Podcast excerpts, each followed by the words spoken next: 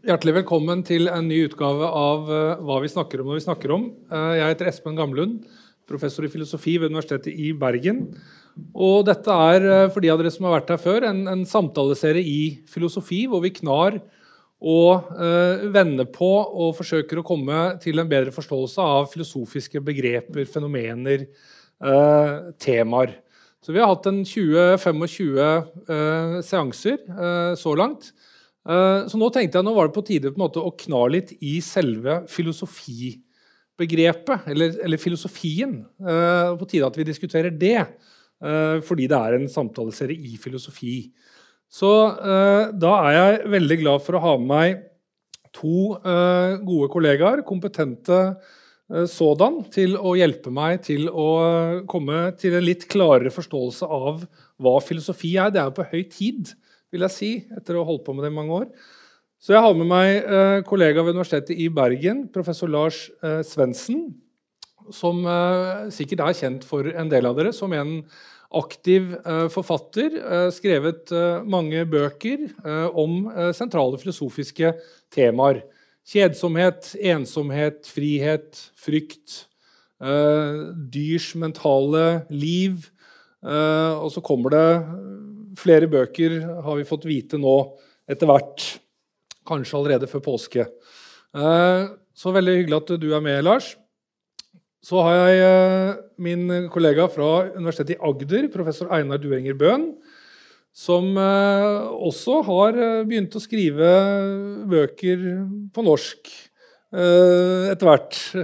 Gått fra å skrive på engelsk til å skrive på norsk. Så skrevet om bok om eh, hva er eh, metafysikk, skrevet om meningen med livet, teknologiens filosofi, eh, og er en aktiv samfunnsdebattant og podkaster etter hvert. Starta flere podkaster, som sikkert flere av dere har hørt på. Veldig hyggelig at du tok turen til Bergen, Einar. Jeg tenkte vi skulle starte med litt hvorfor man begynner å studere filosofi i utgangspunktet. Hvorfor filosofi er på en måte et spørsmål som kanskje melder seg bevisst eller ubevisst for en del. Eh, enten man har studert filosofi, eller man tar opp en filosofibok. Så jeg kan jo starte meg selv, eh, så kan dere komme etterpå. Så jeg er ikke den Veldig mange begynner filosofi med å le, de har noen eksistensielle problemer, noen, noen, noen, tanker om livet og så videre, og så begynner man å lese Nietzsche eller Kirkegård eller noe sånt. Så er det veien inn i filosofi. For meg var ikke det sånn i det hele tatt. Jeg leste ikke en eneste bok før jeg ble 20. Uh, og knapt, hadde knapt hørt hva filosofi var før jeg begynte på universitetet. Uh, så jeg var egentlig uinteressert på skolen uh, og begynte på X-FIL etter hvert. og så strøk jeg på X-FIL. Hold dere fast, ikke bare én gang, men to ganger. Fordi min måte å, å nærme meg X-FIL på det var sånn som jeg lærte på videregående, det var å forsøke å, liksom, lære seg stoffet, pugge det. Tenkte at Dette må jeg kunne utenat til eksamen. Og det funka veldig dårlig. Så Derfor så ble det to uh, runder med stryk. rett og slett. Så det er jo artig å ha med seg i bagasjen. Men så oppdaget jeg da etter hvert at uh, oppdaget jeg filosofi begynte uh, når jeg etter hvert da besto X-Fill, så, så, skjønte jeg at dette her er jo faktisk litt artig. Og det som var artig, det var at det ga meg muligheten til å lære å tenke. Det syns jeg var veldig morsomt. og den uendelige frihet til å lese hva jeg ville og tenke akkurat hva jeg ville. Det var ingen som bestemte hva jeg skulle tenke på, hvilke spørsmål jeg skulle stille, hvordan jeg skulle gå frem for å, for å stille de spørsmålene og besvare de. Så det var en sånn utrolig frihet. Uh, så jeg begynte med Spinoza. Uh, gjorde det enklest mulig. Begynte med Spinozas 'Etikken', etikk bevist på geometrisk måte. Som er eh, ganske vanskelig stoff, egentlig. Men det var veldig morsomt å sitte der og bla fram og tilbake og drive sånn eksegese og tolkning av Spinoza. Det ga meg veldig, en ny type glede som jeg ikke hadde hatt før. Så det var på en måte min vei inn i filosofien. Lars, har du en annen vei? Ja, altså, jeg, jeg, var også en late starter. Jeg begynte ikke å lese bøker før jeg var sånn 17. men Litt tidligere ut enn deg, men også en, en late starter. Uh, for min del så var det nok at jeg uh, følte at det var ganske rotete i topplokket. Og så trodde jeg at filosofi kanskje var noe som kunne hjelpe meg litt til å få litt orden på det igjen. Altså Jeg trengte en slags orientering i topplokket. Og, og Wittgenstein er, jo en som sier at det er der filosofien starter. Eh, han sier jo det at et filosofisk problem har formen 'jeg kan ikke orientere meg'. Eh, litt på lignende vis så skriver altså Heidegger om hvordan den nøden som bringer en til å filosofere, er en uh, 'nicht ein und auswissen'. Altså du vet ikke ut og inn. Så er det er et behov for å orientere seg. sånn at uh, det starter med noe uoversiktlig, og dette uoversiktlige det er også knyttet til noe eksistensielt. I hvert fall var det for min del. Så det er en, en helt annen vei enn den for eksempel, som Burton Russell skisserer når han sier at hele poenget med å drive med filosofi er å starte med noe som er så opplagt at ingen vil finne på å tvile på det, og ende opp med noe som er så vanvittig at ingen vil finne på å tro på det. Uh, for, meg så er det heller så å si motsatt. Altså, du, du starter med rotet, og så forsøker du å orientere deg i din egen tenkning. Så eh, Det er det filosofi egentlig handler om, altså å rydde opp i ens eget inventar. sånn sett, Ens egen betraktningsmåte. Hvilket også fører til at filosofi alltid vil ha et sånn personlig preg.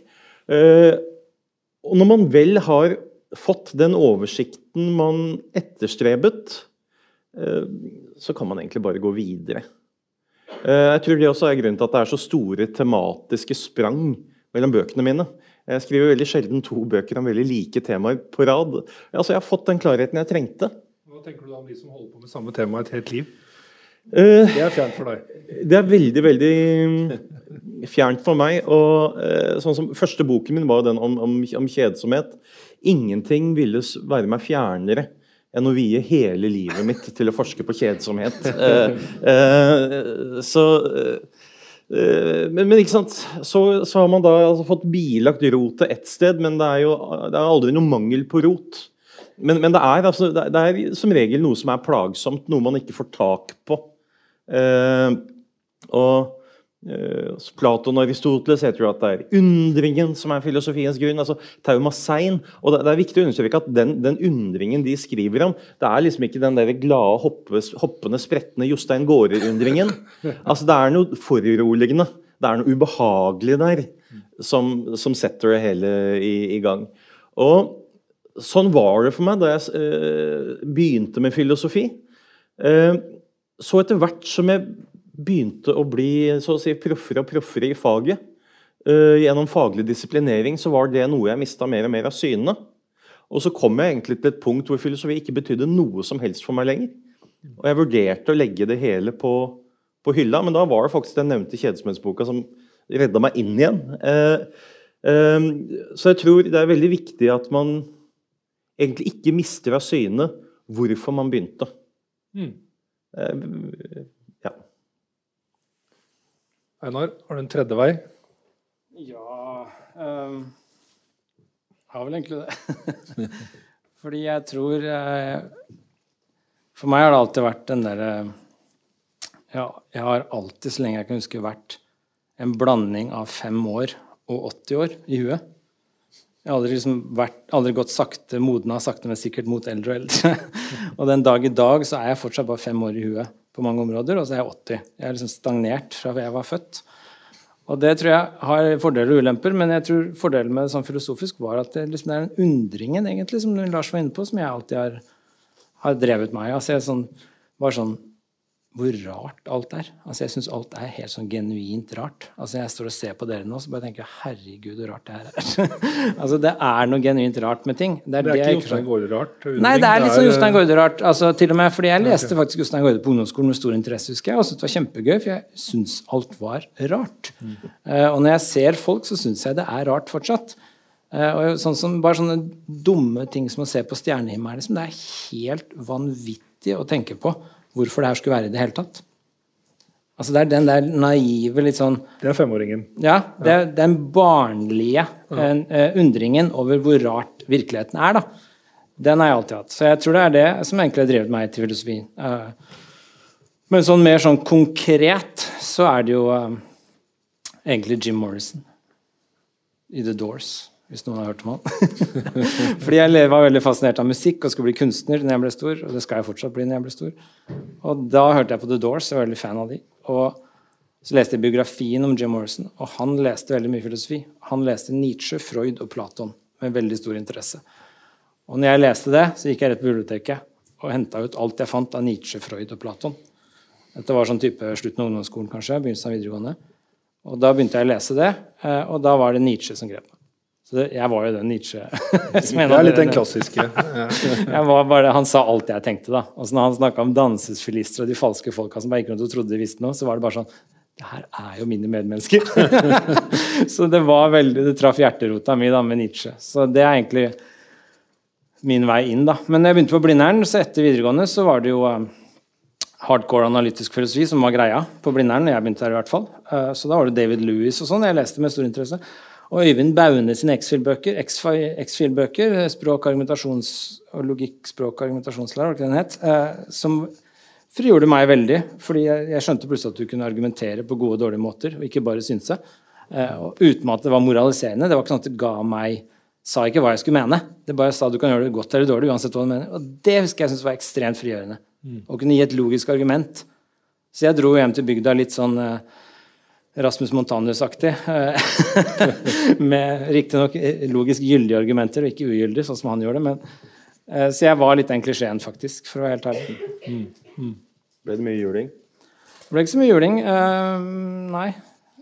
sikkert mye sånn latterliggjøring, men Nei, Så det var litt den klisjeen. Uh, andre fag syns jeg var litt kjedelig. Det er også en greie som kanskje burde nevnes. Altså, Studerte psykologi, litt matte og litt astronomi, eh, fysikk på Blindern.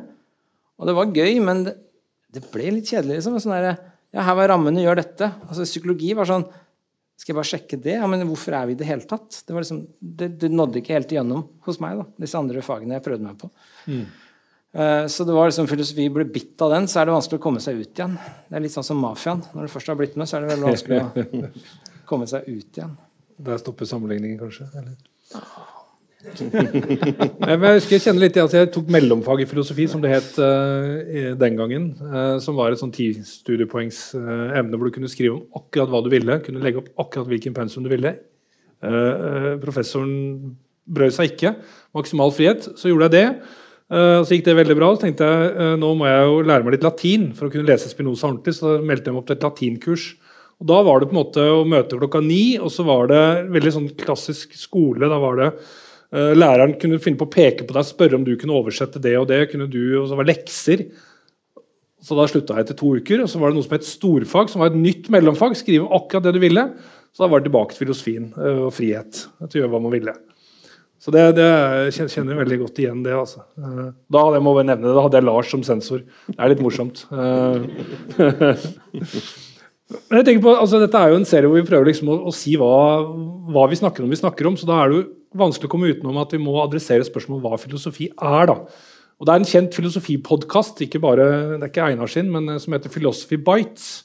Som er en, en, en britisk, to britiske filosofer som driver den. og De spurte de diskuterer temaer, men en gang så spurte de en knippe filosofer hva er filosofi og Da var det flere som ikke klarte å svare på det spørsmålet. Eh, blant annet En som jeg ser veldig opp til, som heter Jeff McMahon, som er professor i Oxford. Han sa ikke peiling på hva filosofi er. Jeg holder på med moralfilosofi og jeg holder på med noen avgrensede temaer innenfor moralfilosofi. Men filosofi som sånn ikke peiling. Går det an å gi et, et interessant og meningsfullt svar på spørsmålet om hva filosofi er? Eller er det Er det intetsigende, eller er det Spørsmål, spørsmål hva du ber om. Altså, hvis du ber om en uh, definisjon som skal angi nødvendige og tilstrekkelige betingelser for at noe er filosofi, uh, så tror jeg ikke du finner det. I hvert fall ikke en som er særlig informativ. Uh, så filosofi det er kanskje mer noe vi bør gripe an kanskje mer wittgensteiniansk, altså å se på alt det vi kaller filosofi, er forbundet gjennom altså visse familielikheter. Men vi kan jo, Da må vi i så fall besvare spørsmålet hva er filosofi i veldig stor utstrekning gjennom å gi eksempler. Dette er filosofi, og dette er filosofi. Det er ikke nødvendigvis noen minste fellesnevner. I hvert fall ikke en som er særlig interessant eh, for alt det vi kaller eh, filosofi. Men vi vil kunne anerkjenne at dette er filosofi og dette er filosofi. Men vi kan jo også gripe dem på andre måter. Man kunne ha en institusjonell sånn Parallelt med det institusjonelle kunstbegrepet. altså Noe er filosofi hvis noen som er gitt myndighet til å kalle noe filosofi, sier at det er filosofi. Så hvis en av oss sier at det er filosofi, så er det filosofi. Mm. Det er en annen innfallsvinkel. Men, det er litt kjedelig. Ja, og, og, ikke, og, og 100% utvendig. Så det forteller oss egentlig ikke noe om, om, gjenstanden. Eller vi kan gå mer historisk til verks og si at vel, filosofi det er en betegnelse på én visdomstradisjon blant andre visdomstradisjoner, som eh, i det vesentlige begynner i antikkens Hellas, selv om det er noen pekere bakover, og som eh, vi kan da følge opp gjennom historien frem til i dag. Det vil være en, en, annen take på det. Det er ganske mange ulike svar på det spørsmålet. Hvorvidt noen av dem er veldig tilfredsstillende, det, det er en annen sak. Og, så, vil noen filosofer ha veldig stramme filosofibegreper. ikke sant? Eh, det er bare det som er skikkelig filosofi, alt andre er bare noe ræl. Eh, mens andre er mer som pluralistiske og vil slippe til et, et stort mangfold. og jeg, jeg er vel mer i den siste bolken enn i den første. Mm. Men er ikke det litt sånn litt ubehagelig spørsmål å få, Einar? Hvis du Nei. er liksom ute, og så skal du, får du liksom hva jeg elsker, ja, Du er filosof, ja. Hva, jeg elsker det spørsmålet. Jeg syns det ikke er ubehagelig. Jeg synes det er kjempegøy. Uh, og jeg syns også at det kan si ganske kloke ting om hva det er. Jeg tror heller ikke som Lars så tror jeg heller ikke du kan definere det, men det tror jeg ikke vi kan med noe egentlig, av særlig interesse. ikke, ikke noe særlig som er interessant, så, men jeg tror vi kan lyse det opp ganske godt. Uh, jeg tror f.eks. at uh, Altså, jeg liker veldig godt å tenke på det som det begrepet egentlig kommer av. Kjærlighet til visdommen, eh, kunnskapen. Eh, det er det det betyr. Filos og Sofia. Det er venn og kjærlighet på den ene siden, og visdom og kunnskap på den andre. Litt sånn vet hva nøyaktig, men det er som kjærlighet til visdommen liker jeg å tenke på det som. Og da liker jeg å dvele ved det når jeg skal forstå hva filosofi er. så dveler jeg ved det. Hva betyr det? ikke sant? Jo, det betyr at jeg har kjærlighet til visdommen. Og hva betyr det? Jo, det betyr at jeg har en slags når jeg har kjærlighet til noe, da, så tenker jeg på hva den ultimate kjærligheten jo, det er den jeg har til mine barn. Og det er f.eks. da en litt så ganske sånn nesten 100% tror jeg, ubetinget kjærlighet. Altså Jeg vil at de skal ha det godt. Ikke fordi jeg skal oppnå noe annet. Jeg bare vil at de skal ha det godt. Så jeg går litt ut av min vei for at de skal få det bra. Det er liksom uttrykk for en ekte kjærlighet overfor mine barn. Og da tenker jeg Hvis jeg har den type kjærlighet til visdommen, ja, da er jeg villig til å gå litt ut av min vei. Litt ofre litt for å oppnå visdommen, hvis det er det jeg tror liksom er visdommen. Uh, og Det liker jeg å tenke på filosofi som. Uh, når jeg dveler ved det, så tenker jeg sånn, det er filosofi. Det er den der villigheten til å satse enda et hakk på å oppnå kunnskap og visdom. Uh, som man kanskje ikke får i andre fag da, på samme grad. Fordi en ting som jeg tenker filosofi skiller seg ut fra alle andre fag, da, det er at hvis du stiller spørsmålet hva er fysikk, så er ikke det et fysisk spørsmål. Det er ikke noe du studerer i fysikk. Da går du meta. Da snakker du om faget. Det er noe annet enn fysikken selv. Hva er matematikk? Ikke et matematisk spørsmål. Og det gjelder egentlig alle fag. Hva er psykologi? Ikke et psykologisk spørsmål. Uh, hva er filosofi? Det er et filosofisk spørsmål. Så det er en sånn, litt sånn trojansk hest som liksom sprenger seg sjøl fra innsiden. Eh, og det liker jeg å tenke på. Og det var litt den friheten du snakka om, Espen. altså den der, Jeg kan gå på jobb og studere politikk et, eh, dag, og så kan jeg studere fysikk dagen etter. Og så kan jeg studere matematikk den tredje dagen eh, og fortsatt drive med filosofi. Og det syns jeg er ganske fantastisk. Det er den friheten jeg også liker, eh, mm. som du var inne på. Mm. Og da tenker jeg det er ubetinget kjærlighet til den kunnskapen. Og da kan vi ikke ha liksom faste rammer, metoder. Vi kan ikke ha et metodekurs. Og som jeg studerte psykologi, så lærte du statistikk. Du lærte hva det vil si at noe er statistisk relevant. Vi, vi lærer det i filosofi òg, og vi bør ha litt logikk og sånne ting, men vi kan ikke ha en metode som alle bare skal bli enige om. For det er noe ufilosofisk over det. Da har vi akseptert et dogme som vi selv bør diskutere. Alltid. Og det bør andre fag også, selvfølgelig. Bør diskutere sine metoder, og gjør det. Men da går det på en måte litt meta og driver egentlig med det, sånn jeg ser det, litt mer filosofi enn sitt eget fag. Så Sånn sett så er filosofien altomfattende og litt sånn ubetinget kjærlighet. Så jeg liksom stiller det neste spørsmålet fordi jeg vil visdommen vel. Og følge den helt ut. da. Og, og være villig til, jeg er villig til å miste jobben min for filosofiens ærlighet. Liksom. Altså hvis, hvis, universitetet blir sånn at jeg ikke kan være ubetinget kjærlig til visdom lenger, hvis jeg må følge noen regler, så slutter jeg. Og det er for meg en filosofisk ekte filosofi. Da. Så jeg, jeg, liker det spørsmålet. Jeg tror det er ganske viktig å tenke gjennom, fordi vi blir så kvert i sånne byråkratiske skrustikker. Jeg ser du prøver å si noe. Eller er den hånda Jeg blir stressa av den hånda mot meg sånn. Bare fyll inn. Ja, men altså, Det er jo også en, en, en dobbelthet i, i, måten du snakker om det på. ved at Du både også snakker om det, det som et fag, ja. eh, samtidig som det også har en type allmennmenneskelig karakter. Mm. Og der, der, skiller jo filosofien seg fra en, en del andre ting. Altså, eh, den, den, har en eh, en allmennmenneskelig side, uh, uavhengig av hvordan den er universitetsfag, mm. uh, som f.eks. ikke arkeologi eller plasmafysikk nødvendigvis har.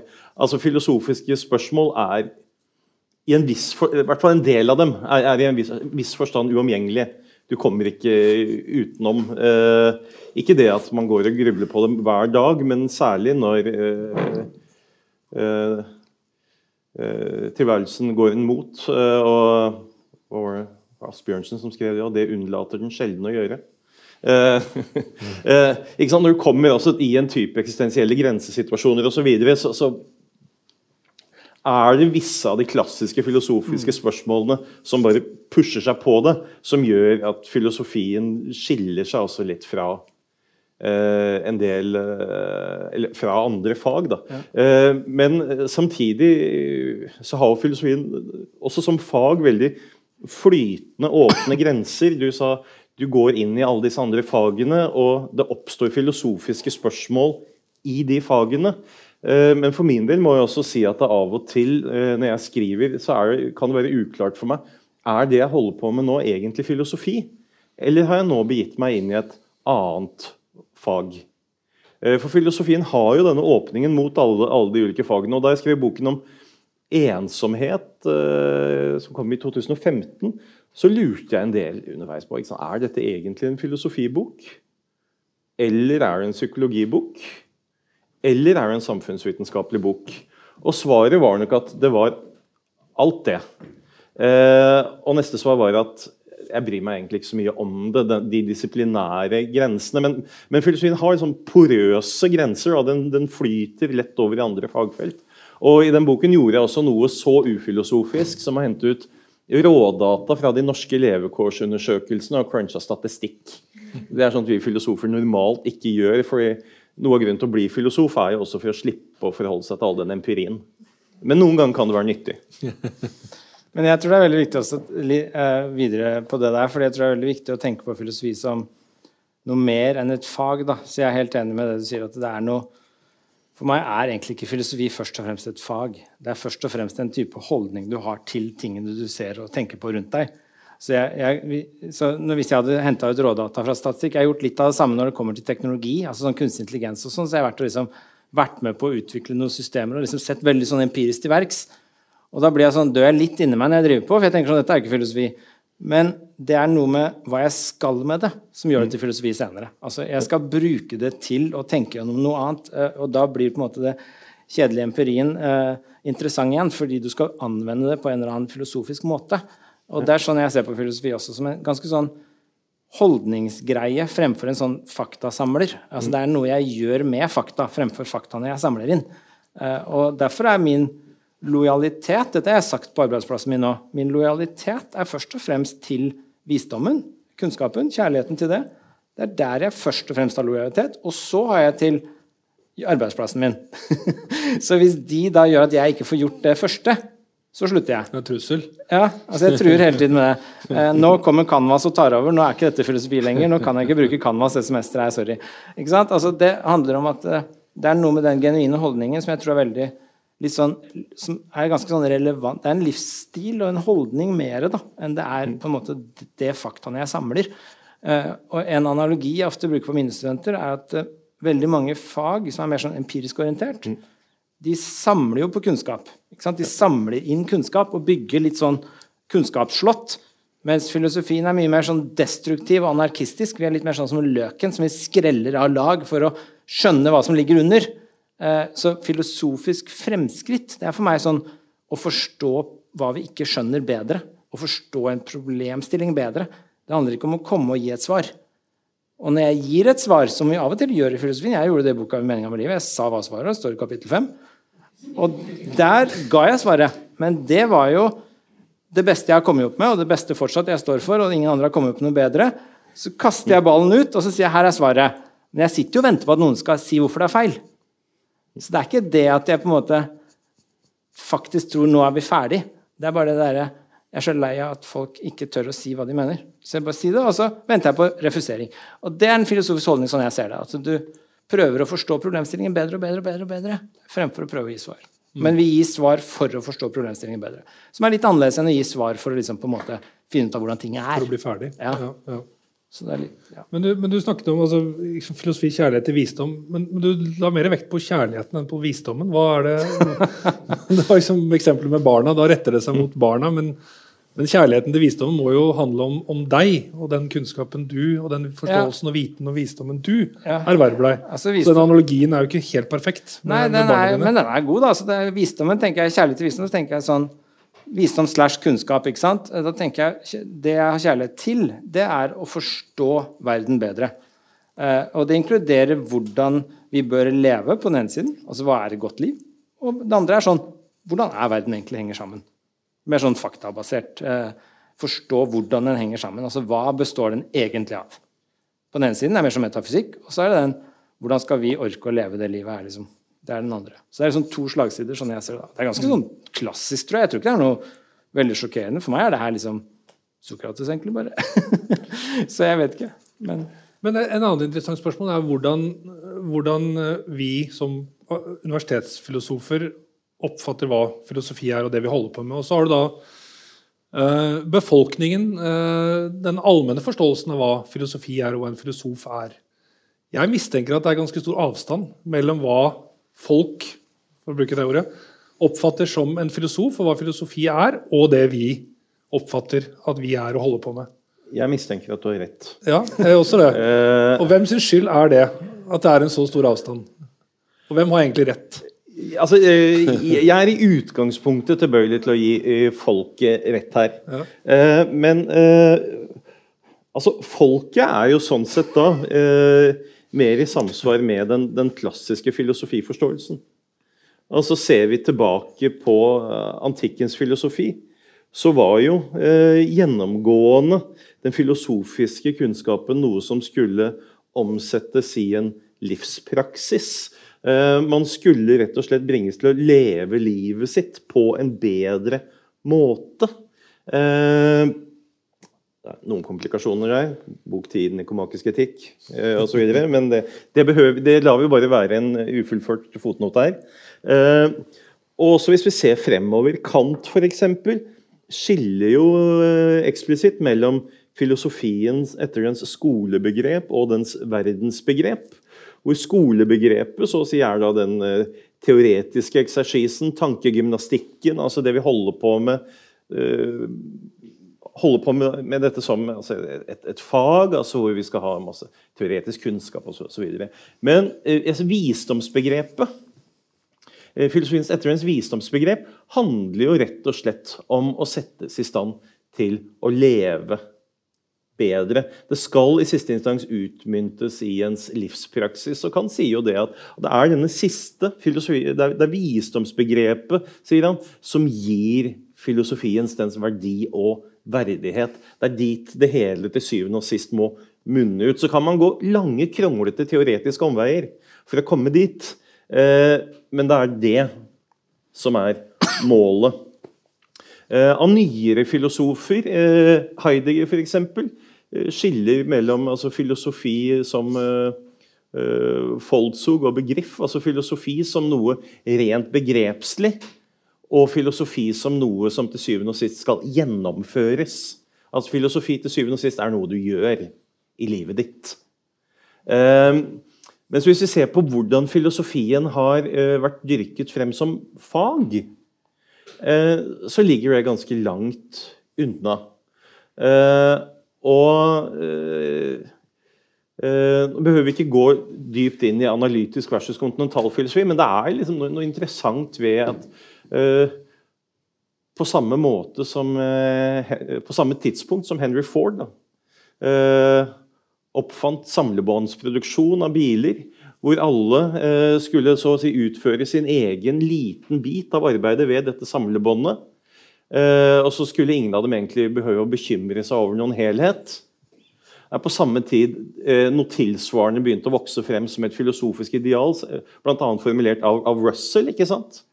Eh, og hvor så å si den gamle filosof, synet på filosofen som en slags synoptiker, altså en som forsøker å overskue det hele, var noe som egentlig da skulle forvises til filosofihistorien, og så skulle vi bli da prof, profesjonelle, strikte, ryddige samlemannsarbeidere som alle yter vår liten skjerv og ikke behøver å bekymre oss for helheten. Uh, jeg mistenker at den, den oppfatningen av filosofi der ute er nemlig at vi skal ha dette, dette oversiktsbildet, ja. dette, dette, helhetsbildet. Og at man også ser det kanskje med, med definisjonen med visdom. Ja. ja. Men det er jo en mellomting her som er antageligvis som alltid det riktige. da. altså, at du bør ha litt av begge deler. Du bør ha litt oversikt som filosofi. Det er det vi driver med. Vi har evnen til å se mellom fag. på en måte. Det er ikke Fysikernes oppgave er ikke å begynne å se hvordan psykologi henger sammen med statsvitenskap, men det er det f.eks. For, for filosofer å kunne se sammenhenger. Eh, så vi har litt den oppgaven å knytte ting sammen og lage et verdensbilde. sånn jeg ser Det i hvert fall. Eh, det er det filosofien skal, for den skal se hvordan ting henger sammen, og hvordan vi bør leve i denne sammenhengen. Men det kan fort gå veldig fort og veldig høyt og veldig svevende til verks, og så blir det mye mm. tullprat. Slik at det lønner seg jo å ha beina på jorda og liksom se på detaljene. The devil's in the details, som det heter av og til. Eh, og det er mye eh, jævler i detaljene når du begynner å gå etter. slik at eh, jeg tror det lønner seg ganske sånn evnen til å hoppe litt mellom de to. da. Og jeg er enig med Lars at faget har gått altfor langt i å bare studere visse deler av barken og glemme trærne og skogen. Mens andre før var kanskje litt for opptatt av skogen ikke sant? og burde ha fordypa seg litt mer i barken. Slik at uh, Å finne den balansegangen er jo noe av det som er litt sånn vakkert med filosofi.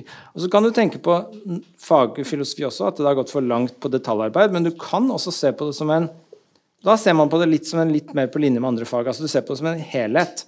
Så hver og en av oss, fordi ting er jævlig vanskelig å skjønne, ikke sant? Så hver og en av oss må jobbe med detaljer. Og så er summen da noe som kan si oss noe lurt om helheten. Men det er liksom ikke opp til hver og en av oss å jobbe med helheten. Så kan du tenke litt sånn arbeidsfordeling. Noen er veldig gode på detaljer, andre er veldig gode på å overskue. Og så ser man litt arbeidsfordeling, og så får man en sum som er ganske ålreit. Uh, I stedet for at alle skal gjøre alt. Men det er vel ikke noen sånn arbeidsdeling i dag? Det er jo ingen som har uh, oversikten over alt lenger. Jeg og Lars har ja. det er nettopp det at man, man, man, fordyper seg så til de grader i veldig små temaer og spørsmål at man mister kontakten med hvorfor man begynte med filosofi, men også med helhetsbildet. Jo, altså, man må jo gå ned i disse detaljene. Og filosofi er jo også helt klart et, et ferdighetsfag. Eh, når vi utdanner studenter, så er det også fordi de skal lære seg en hel del grunnleggende ferdigheter. De skal få seg noen verktøy som de har i verktøykassa og kan bruke på en fornuftig måte. Det, det, er en viktig bit av det hele. Å lære seg filosofi er også å lære seg å tenke disiplinert. ikke sant? Eh, så, det, så det, det, er helt klart en, en, viktig del av det. Men det er klart Noe av det som lett skjer når vi begynner å, å filosofere også, det er jo at uh, For all del, vi må ut i abstraksjoner. altså Filosofi er jo i veldig stor grad å abstrahere. Eh, og så, eh, så Noe som starter relativt konkret. Ikke sant? er noe vi tar en tur ut i abstraksjonenes verden for å overskue. Men disse abstraksjonene de har en tendens til å lede til nye abstraksjoner og til nye abstraksjoner. Og til nye abstraksjoner. Og så mister vi fullstendig av syne det vi lurte på i utgangspunktet. Mm. Eh, sånn at vi får så å si, eh, teoribygninger som lever sitt, eh, sitt eget liv. Da. Og da, da, da, vil jeg egentlig si at da, da mister filosofien substansen da mister den egentlig legitimiteten sin. Altså, en annen måte å si det på er at filosofien eh, må beholde kontakten med det førfilosofiske for å beholde legitimiteten sin og egentlig substansen. Og det førfilosofiske, det er da bare for å klare opp det. Noe som plager det. Som plager. Ja. På, vil jeg kanskje si på det mest grunnleggende nivået. Ja. Det er litt livsrelevant. da, At det, liksom, det stikker i noe som betyr noe. Mm. Eh, jeg anmelder en bok nå, for eksempel, i veldig sånn hardcore analytisk metafysikk. Det er lenge siden jeg drev med det, så jeg sa ja til å anmelde den. Og så sitter jeg og leser den nå, og da er det jo slående at det, eh, ingen eksempler har noen som helst betydning for et hvilket som helst liv du måtte velge deg. altså Det er helt oppi det abstrakte detaljarbeid. Og, og jeg, I øyeblikk så blir jeg sånn Dette er så gøy. Du nerder sånn i et bitte lite hjørne som ingen andre i verden er med på. Mm. Det er veldig gøy. Men på en annen måte så tenker jeg sånn en, Burde dette være en hel bok på 400 sider på Oxford University Press, eller burde det bare være en liten artikkel analysis? Mm. altså, det er begrensa hvor mye man skal bruke på det. Så jeg tror ikke problemet nødvendigvis er del, hvor detaljert du går til verks, men det er mer det du sier, at det, hvor relevant det er for det som betyr noe. Uh, at det kan miste litt kontakt med det. Det er kanskje et større problem, syns jeg, kanskje, med akademia, akademisk filosofi, enn at det er veldig sånn nerdete på detaljer. For det kan være veldig viktig at noen gjør det. Men hvis det ikke har noen betydning lenger, så mister liksom hele akademisk filosofi sin legitimitet. Og da begynner folk å høre på folk utenfor akademia når de snakker om filosofi. Og så blir de filosofene alle tenker på som filosofene. Og så fraskriver vi oss selv egentlig det vi kunne ha gjort mye bedre. Mm. Så det er liksom bekymring jeg heller har, tror jeg. At den blir livsfjern og irrelevant. Mm. Heller enn at den blir spesialisert. Det kan være bra. Det er kanskje litt et paradoks da, i all den tid filosofi kanskje er mer aktuelt og og hva skal vi si, i, i vinden. Uh, folk er lesere er opptatt av filosofi. Filosofer en, spiller en rolle i mange ulike områder av samfunnet. Hvis man da gjør seg selv irrelevant, så er jo det uh, stusslig. Og så er det, det sånn praktiske ting. Sånn som arbeidsmarkedet er ekstremt pressa i filosofi. slik at det er liksom én jobb per jeg vet ikke hvor mange hundre på hver stilling. ikke sant? Altså, så, mm. Så sånn sett så blir det et press, en sånn dynamikk som gjør at du må spesialisere deg og publisere masse bullshit-artikler for å få jobb. ikke sant? Så I stedet for å jobbe med den store kvaliteten på den ene boka di istedenfor. Så det er en del sånne mekanismer som også presser filosofien inn i et hjørne som gjør at den blir mindre relevant. da. Uh, mm. Så det er sånn, jeg tror det er et sånn komplekst problem, hele det greia der. Ja. Så Det som starta som noen refleksjoner rundt spørsmålet om hva er filosofi, leder veldig raskt over et spørsmål om hva filosofi bør være. Hvis jeg forstår det rett. Mm. Det er et mer interessant spørsmål mm. egentlig enn hva filosofi er. Ja. Det, er jo, det, er jo, det det burde være, men vi klarer bare ikke å etterleve det. Hva er det det burde være? Nei, det burde det være den, ja, det jeg sa. Det er det det burde være. Og så er vi ikke der, men det er fortsatt det det er, fordi det er det vi burde være. Så vi burde strebe etter det. Uh, Dewey skriver jo et sted at uh, filosofien uh, bør beskjeftige seg med menneskers problemer, ikke bare filosofers problemer. og det, det er betimelig. Det, det, det, tror jeg er riktig. så at så at ikke mister deg selv av syne som menneske mens du filosoferer, noe som jo kan være nærliggende nå og da. men samtidig så, så tenker jeg også at filosofi har også en ganske sånn personlig karakter. Eh, dine problemer er ikke nødvendigvis mine problemer. Eh, og heller ikke, heller ikke, Espens. Wittgensteins problemer er ikke nødvendigvis dine problemer. Altså, så, så eh, den personlige karakteren må være der. Og jeg mener altså at filosofi eh, En filosofi som fungerer, eh, er jo en filosofi som får noen til å tenke. Eh, sånn sett eh, altså, Jeg kan vanskelig tenke meg noe mer misforstått enn fullstendig ferdigtygd filosofi. Altså en filosofi som forsøker å servere helt ferdige svar på spørsmål etter spørsmål etter spørsmål, eh, som da en leser bare umiddelbart skulle ah, ja, men Er det sånn det er? Altså, jeg i hvert fall tenker gjerne sånn jeg skriver bøkene mine, at det alltid skal stå igjen en solid, utenkt rest der til leseren. Altså det må, gjens, det må stå igjen et arbeid for leseren å gjøre med selv å filosofere. For at hvis filosofi handler til syvende og sist om, om selvrefleksjon, og det, det, det, tror jeg de gjør, eh, så er jo en selvrefleksjon er ikke noe som kan delegeres. Altså Det er noe som hver og en må gjennomføre selv. Og noe av det vi kan gjøre, som eh, gjør dette på heltid, er jo at vi kan peke på noen måter å tenke på som funker veldig dårlig. Vi kan peke på noen måter å tenke på som er litt mer løfterike. Vi kan stille opp noen, eh, noen rammer, skissere noen forslag osv. Eh, men jeg tror det er veldig veldig viktig når man skriver filosofi, at man så å si ikke forsøker å gjøre jobben helt ferdig for leseren. Det skal stå igjen noe mer å gjøre. Men det kan fort bli litt farlig òg, da. Altså, fordi av og til når jeg skriver, så tenker jeg sånn ah, Jeg orker ikke å forklare helt. Jeg håper noen ikke oppdager det her. Så krysser jeg fingra. det kan være en fare at det, man hviler litt på det også. Jeg tenker det kan være en verdi i det å prøve å pushe seg så langt man kan til å klargjøre noe, f.eks., for, for så å gå helt ut og så si 'nå klarer jeg ikke å gjøre det helt tydeligere', uh, er det noen andre som kan si hvorfor det er feil. I stedet for å etterlate et åpent spørsmål. Så det kommer litt an på hva du mener. da. Jeg tror ja. du kan ha ganske verdi å pushe seg mye lenger ja, og prøve jeg, å svare. Jeg, jeg, mener ikke nå at du skal, at du skal bare kjøre halvkveda viser. Og Bra. for all del, du bør bestrebe deg på presisjon. Ja. Uh, og som jeg, Det er noen av studentene mine her nå som jeg alltid uh, terper på. Hvis noe er uklart, dyrk uklarheten. Løft den frem og opp. Få det klart frem hvorfor noe er uklart. Gi meg for guds skyld ikke tåke. Ikke sant? For at tåke imponerer ingen.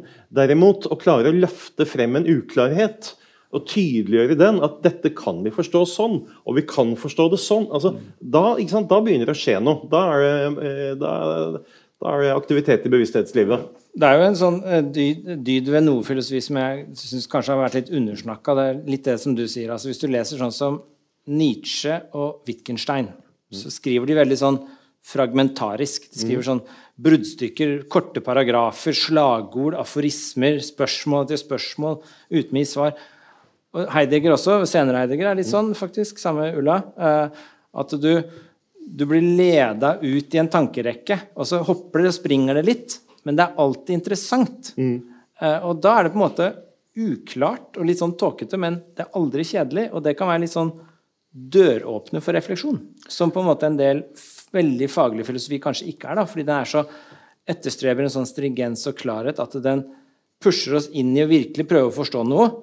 Og det kan være veldig bra på en måte, men det kan være veldig bra å lese en type filosofi som åpner tankene dine for nye ting fordi det er uklart. Men Nietzsche hadde aldri fått jobb i dag på et universitet. Nei, ikke Wittgenstein heller. Nei, ingen av disse store ingen hadde, de hadde fått jobb. Og det, og det, det, det sier jo sånn- ganske mye om hvordan moderne filosofi har blitt. da. Ja, men Det jeg tror er litt farlig, er for en student som skal begynne å studere filosofi, og så begynne med Wittgenstein og Nietzsche, og tenke at det er en god start. Det tror jeg kan være litt farlig. fordi det er så ekstremt vanskelig å gjøre den fragmentariske filosofien godt. Fordi du må ha så oversikt over hva det er du går inn i, og hvordan. Og det har du ikke som ny student. Så jeg tror det er en veldig god idé å begynne med veldig sånn stringent pushing. Mm. Og så bevege seg ut i Sartre og Nietzsche og Heidegger og litt der mer sånn juicy stuff senere. Eh, det tror jeg er en sånn god innfallsvinkel, fordi du trener opp litt sånn som du sa, det er skills. Du skal mm. trene opp til å tenke klart. Eh, men jeg tror det er en veldig god ting ved en del filosofi at det er litt sånn uklart, sånn som de folka er. fordi det kan være veldig inspirerende, på en måte, da, som jeg tror mye sånn fagfilosofiske artikler i dag ikke er i det hele tatt. Det er mer sånn Hvor klart er dette? Ok, Noen moteksempler. Klarer vi å jobbe litt mer med det her? Kna det litt mer. Det er ikke så inspirerende til å åpne et verdensbilde. Men det kan liksom disse mm, du, du, undrer på kjærlighetens vesen, og så åpner en artikkel, og så er det 'Bob loves cake, if and only if'. Og du, du skjønner, dette kommer ikke til å være informativt. Ja, da blir det fort ikke så relevant. og jeg tror det, ja. Men den, det idealet ditt da, Lars, det å liksom ikke tygge, tygge ferdig alle tanker, ikke etterlate noen løse tråder hos leseren, det kan du gjøre i den type bøker du skriver, men ikke nødvendigvis i tidsskriftartikler. Ikke sant? Og Det er vel også et problem ja, Det er derfor du ikke skriver de. Men, men det er vel også et problem da at, at de som skal utdanne seg til filosofer og få jobb i dag, de må skrive akademisk filosofi for disse tidsskriftene, så de kan ikke nei, nei, tillate seg å gjøre det du gjør. Og, og, når jeg får studenter som vil skrive sånn som meg, så, så sier jeg at Det får du ikke lov til. Altså, Først må du lære deg altså, men, men, sånn er det jo også. Altså, du, du, bør ikke begynne å improvisere for mye første pianotime. Altså, Først må du lære deg skalaen. Altså, du må få the basics på plass først. Du må lære deg håndverket. Når du vel har lært deg håndverket, du har så å si fått papirene dine på at dette behersker jeg. Eh, da kan du begynne å bevege deg ut og se om du finner andre måter som er, er, er mer tilfredsstillende. Mm. Men først må du vise at du behersker the tools of the trade. Lære deg å tegne før du skal begynne å male. vet du. det har du erfart? Nei, jeg tror håndverk er viktig. Jeg er helt enig med ja, Lars. Jo, det, det, det, tror jeg vi er enige om. Um, men problemet er når håndverket blir det eneste viktige. Altså at ja. du, du, bare står og brifer med altså Det er litt overkill av og til når du leser fagartikler, f.eks.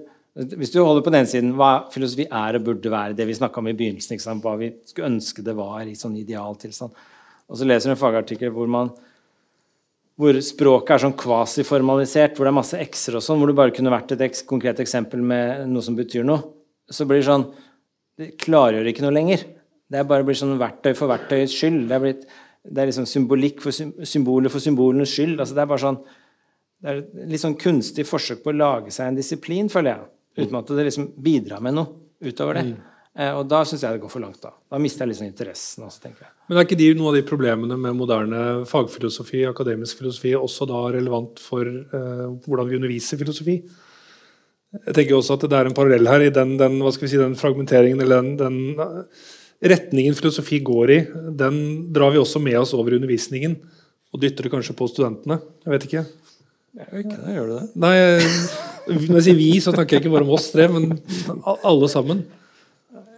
Ja, det, er det er en måte å, å, tenke om hvordan vi skal undervise filosofi, som kanskje har gått den gale veien fra slik det var i hvert fall da jeg studerte filosofi. Da var det friere. Da var det, det var ikke canvas. Det var, var mye, mye, som var bedre før. Ja. Men jeg tror også det er en del gode ting med at det har blitt mye mer stringent. da. Altså Det var veldig slapt når jeg gikk på Blindern på slutten av 90-tallet, og begynnelsen av 2000-tallet. så var det jo, altså De oppgavene jeg leverte, var jo helt kaos. Det var ingen som veileda oss. og det var, det var jo, Jeg er flau. Jeg er glad ikke det ble bevart, liksom, de essayene vi skrev da. til bachelor og sånn. Så jeg, jeg, tror det er viktig en del sånne ting som har kanskje blitt bedre undervisningen også. Uh, men jeg tror kanskje at det har blitt mer sånn jeg merker liksom at nye studenter på bachelorgrad nå driver og tenker på hva de skal skrive om for å komme seg videre i et karriereløp. Mm. Og det bekymrer meg litt. Altså, hvis du allerede tenker spill og regler før du har liksom begynt å tenke innhold, da er jeg bekymra. Og det opplever jeg mer nå enn før. Altså, når vi studerte, så var det jo egentlig innhold. Ingen som tenkte på en jobb. Jeg har aldri tenkt på en jobb. Jeg var flaks hele veien, egentlig. Mm. Altså, det kan hende jeg sier det fra en privilegert posisjon, da, men altså, det var ingen som gikk og diskuterte karrieresteg på bachelorgrad. Jeg hadde én karriereplan. Ja. Det var at jeg ikke skulle bli akademiker. Men jeg syns filosofi var veldig interessant. Ja, men Nå er de, nå er de oppriktig bekymra for liksom, hvordan skal de følge spillets regler for å komme seg videre når de begynner på filosofi. Og det er jo ganske trist, da, for da har de ikke tatt spillet først. Mm. Det er som noen som sitter og spiller sjakk, og så sitter de bare og tenker på å, nå spiller jeg sjakk, dette er kult. Hva er det? Nå ser jeg spiller sjakk. Og da taper du jo. Fordi du får ikke liksom Bare spill litt sjakk, og så ti stille, liksom. Det er det jeg tenker. Og masterstudenter som skal skrive metafilosofi, eh, er kjempeproblem. Altså, Hvorfor skal du skrive metafilosofi før du har gjort filosofi? Eh, jeg hadde en student som skulle skrive 'philosophy of physics', så hadde ikke noen fysikkbakgrunn. Kjempedårlig idé. Altså, du må bare studere filosofi først, og så kan du ta, liksom, gå meta etterpå. Sånne ting bekymrer jeg. Jeg syns folk er så ekstremt selvbevisste blitt, og så karrierebevisste og så bekymra. Og det går utover innholdet. Da. Kvalitet på innholdet, tror jeg. Så, og da blir det mer sånn herre symbolrunking, som jeg kaller det. Jeg har kanskje ikke lov å si det, men det er det, har du sagt. det, er det Nå har jeg sagt, nå har jeg sagt det. Nei, men, det er litt sånn verdiløst, da. Ja. Men det er kanskje lett å si det siden vi har faste jobber også. Jo, men For min del så var det sant. På, på 90-tallet jeg studerte filosofi for den egen skyld. Tenkte aldri på jobb. Det gikk rykter om en, eh, om en som hadde, filosof som hadde fått seg jobb i Statoil på slutten av 90-tallet. Tenkte jeg oi, går det an å jobbe utenfor universitetet? Hørtes morsomt ut. Uh, jeg vet ikke om jeg vil jobbe i Statoil uansett. Uh, men, men jeg, jeg, tenker at det var mye bedre før. i den forstand at det var Jo, men det var, det, det var den, fri, det var, det var den friheten. Skal ikke dvele for lenge ved det. Så den friheten var, var, det var veldig sink or, sink or swim, da. Uh, det, skal vi, det skal sies. Uh, altså, vi vi bestemte stort sett pensum selv, ingen fulgte med på hva vi gjorde osv. Det, det var jo for de som kunne håndtere den friheten, eh, så, så var det veldig tilfredsstillende. Eh, men det var jo veldig mange som ikke håndterte det der i det hele tatt, og som egentlig ikke fikk man si, noe som helst ut av filosofistudiet. De lærte seg ikke noen av disse ferdighetene. Så eh, Eh, det er mulig vi har sklidd litt langt i den andre retningen, men jeg tror helt klart vi kan eh, si at det var noen dysfunksjonelle trekk ved den gamle, den gamle måten filosofiundervisningen foregikk på. Jeg tror det er mye bra med den sånn den foregår nå i forhold til deg, ja, altså. Men jeg tror også sånn som Men, også, ja, men, men, altså, men noe av det viktige ved den gamle, det var jo også bare det kicket.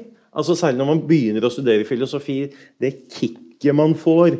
Altså, Du gjennomgår så å si en åndelig revolusjon hver 14. dag. eller noe sånt. Altså, Du tenker nye tanker. altså Hvor utrolig tilfredsstillende det er. Ja. At vi, at vi altså, Den dimensjonen der Det får du aldri tilbake. Nei, nei, altså man får det en gang iblant. Men det er akkurat som på konserter. ikke sant? Når du har vært på et fi- firesifret antall konserter, så går det lengre og lengre tid mellom hver gang du får det kicket. Men det skjer innimellom. Eh, eh, så at vi ikke altså, mister den, del, den siden der av det, hvor utrolig gøy filosofi også kan være. At vi ikke mister det av syne til fordel for uh, rein skjær flinkhet. Mm. Og karrieretanker. Ja. Det er det jeg frykter blir litt borte hvis du er veldig stressa for spillets regler heller enn innholdet. Ja. Så går du glipp av liksom, hvor gøy det er å spille et bra sjakktrekk. Liksom. Men noen tanker om, hvis man ser framover, da, hvilken, noen tanker om hvilken vei filosofien eh, ikke vil eller kan, men bør bevege seg? Jeg tenker at den bør bevege seg dit jeg sa i. Nei, altså jeg tenker at Det er noen tegn nå, syns jeg, at jeg ser. da, sånn som i, eh, mye, jeg, jo, jeg begynte jo i sånn Nietzsche, som sagt, men eh, var veldig godt oppdratt i analytisk filosofi. eh, og veldig sånn, eh, Var veldig opptatt av logikk i lange perioder, veldig sånn den formale siden. og jeg syns det var veldig nyttig, og jeg ser nå at mye av den type metafysikk og sånn, som jeg drev med da, den har begynt å prøve å komme seg litt ut av ekkokamrene. Mm. Så eksemplene de gir, er litt mer sånn social ontology-eksempler, sånn hvordan du har konstruert sosiale virkeligheten. Så metafysikken snakker plutselig om kjønn og, og om eh, roller i samfunnet. Snakker mye om det også, ikke bare eh, eh, X og Y. Eh, så det er noen hint om at den begynner å åpne seg opp litt. Så jeg, jeg tror ja, jeg er en optimistisk fyr. Jeg tror på at filosofien eh, kommer etter, ja, men sakte, men sikkert. Og det er kanskje et sunt tegn at den ikke går så fort fram. Eh, jeg tror også sånn som teknologiens filosofi, så har jo mye av standard tidsskriften i filosofi har jo ikke publisert mye på teknologiens filosofi. De ligger jo langt etter eh, teknobransjen og utviklingen i samfunnet ellers når det kommer til teknofilosofi, f.eks. Men der også ser du nå kommer noen drypp da nå og da eh, med teknofilosofi. Så de kommer litt etter nå som liksom AI er i ferd med å gå inn i en ny vinter og liksom dale. Da kommer filosofene litt etter og sier dette var interessant. Så jeg, jeg har håp på det. Jeg, jeg tror det alltid kommer til å være der. da. Men jeg er som sagt bekymra for den derre byråkratiske skrustikka og den flinkis-mentaliteten som strammer seg til mer og mer. Ja, nei, altså jeg, jeg tenker at hvis vi liksom skrur noen tiår tilbake i tid, så vil jeg si at filosofien da i større grad var preget av en type selvtilstrekkelighet og selvtilfredshet enn nå. Eh, Jeg syns også at den åpner seg mer for verden utenfor på mer konstruktive måter. Eh, Kort sagt at filosofien beveger seg i en retning hvor den kan bety mer enn det den var i ferd med å utvikle seg til å, å bli.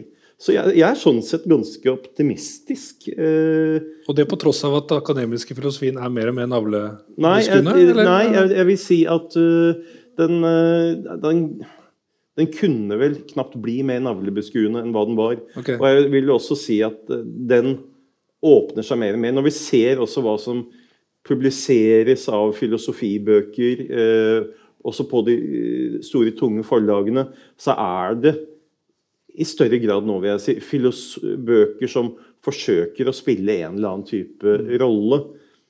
Tidsskriftene er noe litt annet. Eh, der vil jeg vel si at det er omtrent like bedrøvelig som før. Men, eh, og det er jo også noe av grunnen til at eh, altså, altså, Jeg gidder jo nesten ikke lese filosofitidsskrifter lenger. og Jeg burde i utgangspunktet være blant de spesielt interesserte. Eh, så hva da med alle de som ikke har sitt daglige virke på et filosofiinstitutt? Hvorfor i all verden skulle de lese en artikkel i de tidsskriftene? Men jeg tenker, det kan, jeg tenker det kan være litt sånn egentlig litt sånn, Jeg er veldig enig i det Lars sier. at Hvis du ser på Oxford University Press, for eksempel, av nye utgivelser der, så er det nå mer relevante bøker for livsrelevante, betydningsfulle temaer enn det var for 20 år siden. Det vil jeg påstå. Eh, Da var det mye mer teknisk internt. Men fagartikler eh, kanskje ikke åpna seg helt ennå. Det kan, en, kan være en bra ting. Fordi et fag Jeg tror det er bra at eh, akademisk filosofi også er spesialisert, og ikke driver i avisspalter hele tiden. Eh, slik at vi er spesialiserte, men vi må også evne å formidle det ut. Ellers så mister du jo seg selv som fag. altså Det skal jo være en fagspesialisering også. Så jeg tror det kan være bra hvis vi kan nerde i litt sånn tidsskrifter som ingen leser. Bortsett fra de fem du er Facebook-venner med som bor i, rundt omkring i verden, som jobber med samme tema. Og De har allerede lest artikkelen, for den kommer i tidsskriftet. ikke sant? Så, så da er vi liksom skuls innen den kommer ut, men da får du deg jobb og sånn. Så at vi kan nerde i de tidsskriftene på artikler, og så kan vi heller bruke de store forlagene til å ha litt større visjoner og ha litt åpne tanker. Åpne seg litt opp, for det tillater bokformatet mye mer. Det tror jeg kan være en god balanse. Og hvis den ender der, som jeg ser litt tegn til, da, at bøkene er litt mer relevante, og artiklene kanskje ikke er det, det kanskje det er en bra ting. Da kan faget få nerde i fred og ro, og så kan vi få lov til å slippe oss litt løs i bøker. Og så kan vi evne, i hvert fall mange, å formidle litt også utover faggrensene. Så tror jeg du kan finne en god balanse. Mm. Så lenge prioriteten først og fremst er liksom kjærligheten til visdommen, da, ikke til karrieren. Mm. Ja. et spørsmål jeg brenner inne med. Jeg har to minutter igjen. Dere får ett minutt hver på det. Og det er gjør vi fremskritt i filosofi? Det er jo et spørsmål som en del allerede, tenker jeg brenner inne allerede brukte tre, Ja. to, en fjerdedel av minuttet ditt? Fremskritt ja, Rungende tja. Rungende tja. Eh, eh, er dagens filosofer eh, i alle henseender fryktelig mye bedre enn det vi kan finne ved å ta et sveip i filosofihistorien? Nei, ikke nødvendigvis. Jeg tror vi gjør fremskritt. Altså, jeg vil si et rungende ja. Fordi jeg tror faktisk hvis du leser en bok om eh, frivillige, eller en bok om etikk, eller en bok om de store spørsmålene vi alltid har diskutert, så er det ikke det at vi reiser spørsmål, et nytt spørsmål. Altså, det reiste jo Sokrates og alle gamle. Men jeg mener at vi forstår problemstillingen bedre nå. For vi forstår også hva, mye mer av hva som ikke gjelder, hva som ikke holder. Alle teorier som har feila opp gjennom historien. Vi har sett hvor mange ganger vi har trådt feil. Også, vi har flere alternativer, ikke minst. Kategorier å tenke omkring. Eh, Så sånn sett tenker jeg fremskritt. For da tenker jeg vi har skrelt av noen lag, og så forstår vi problemstillingen bedre. og Det er for meg fremskritt. da. Men jeg tror ikke vi har noen flere svar. For det har vi ikke. Jeg lurer fortsatt på om vi er frivillige, det gjorde jeg. Men vi stiller kanskje noen nye. Stiller kanskje noen nye spørsmål. Ja, noen sånn i vår tid, fordi de visste ikke hva en datamaskin var. Og så sier jeg liksom hva er digital teknologi. Det visste jo ikke Sokrates. Så sånn sett stiller vi noen nye spørsmål. Men egentlig så lurer jeg jo bare på hva er mennesket og vår situasjon og hvordan bør vi leve. Og det lurte han på. Og sånn sett er det ikke noe nytt. Men, men det hender jo også at man jobber med et, eh, en problemstilling, og så har man rimelig god oversikt over hva er det alle de nålevende mener om dette. Og det er ikke så veldig bra. Og så ramler man over en eller annen kraka fra filosofihistorien. Bare, ja, men dette var mye bedre. Altså, Poenget er, er, er jo sånn at filosofien utvikler seg ikke på en sånn måte at eh, filosofihistorien er eh, er noe vi bare kan legge bak oss. Altså, Den er stappfull av ressurser som vi kan bruke nå, og hvor eh, og det er altså, altså disse historiske sprangene. Du, du kan ta noe filosofi som er utformet under helt andre samfunnsforhold, helt annen mentalitet osv., men likevel, når du trekker den inn i en aktuell problemstilling nå, så kan det være mer opplysende enn det ganske mange av de nålevende holder på med. Men Det er jeg helt enig i, men husk på at det var sikkert mange eh, papyrusruller i det gamle Hellas òg som var bare dritt. Altså Som ikke har blitt bevart. ikke sant? Det er til enhver tid sånn at Eh, nesten alt er dårlig. Jeg tror Hvis du velger det beste av det beste av filosofien i dag, så er det jævlig bra og imponerende arbeid. Og så leser du liksom det som er min favorittbok, for eksempel, er Sokrates' forsvarstale. Det er, sånn, det er knallbra den dag i dag, og det står seg som et kampskrift for humanisme, sånn jeg ser det. Og det er forfriskende å lese. Men det er jo masse forståelser av det han tar opp på en så frisk måte, som vi har senere, som på en måte han ikke hadde oversikt over, vil jeg tro. Det er håpet mitt for fremskritt.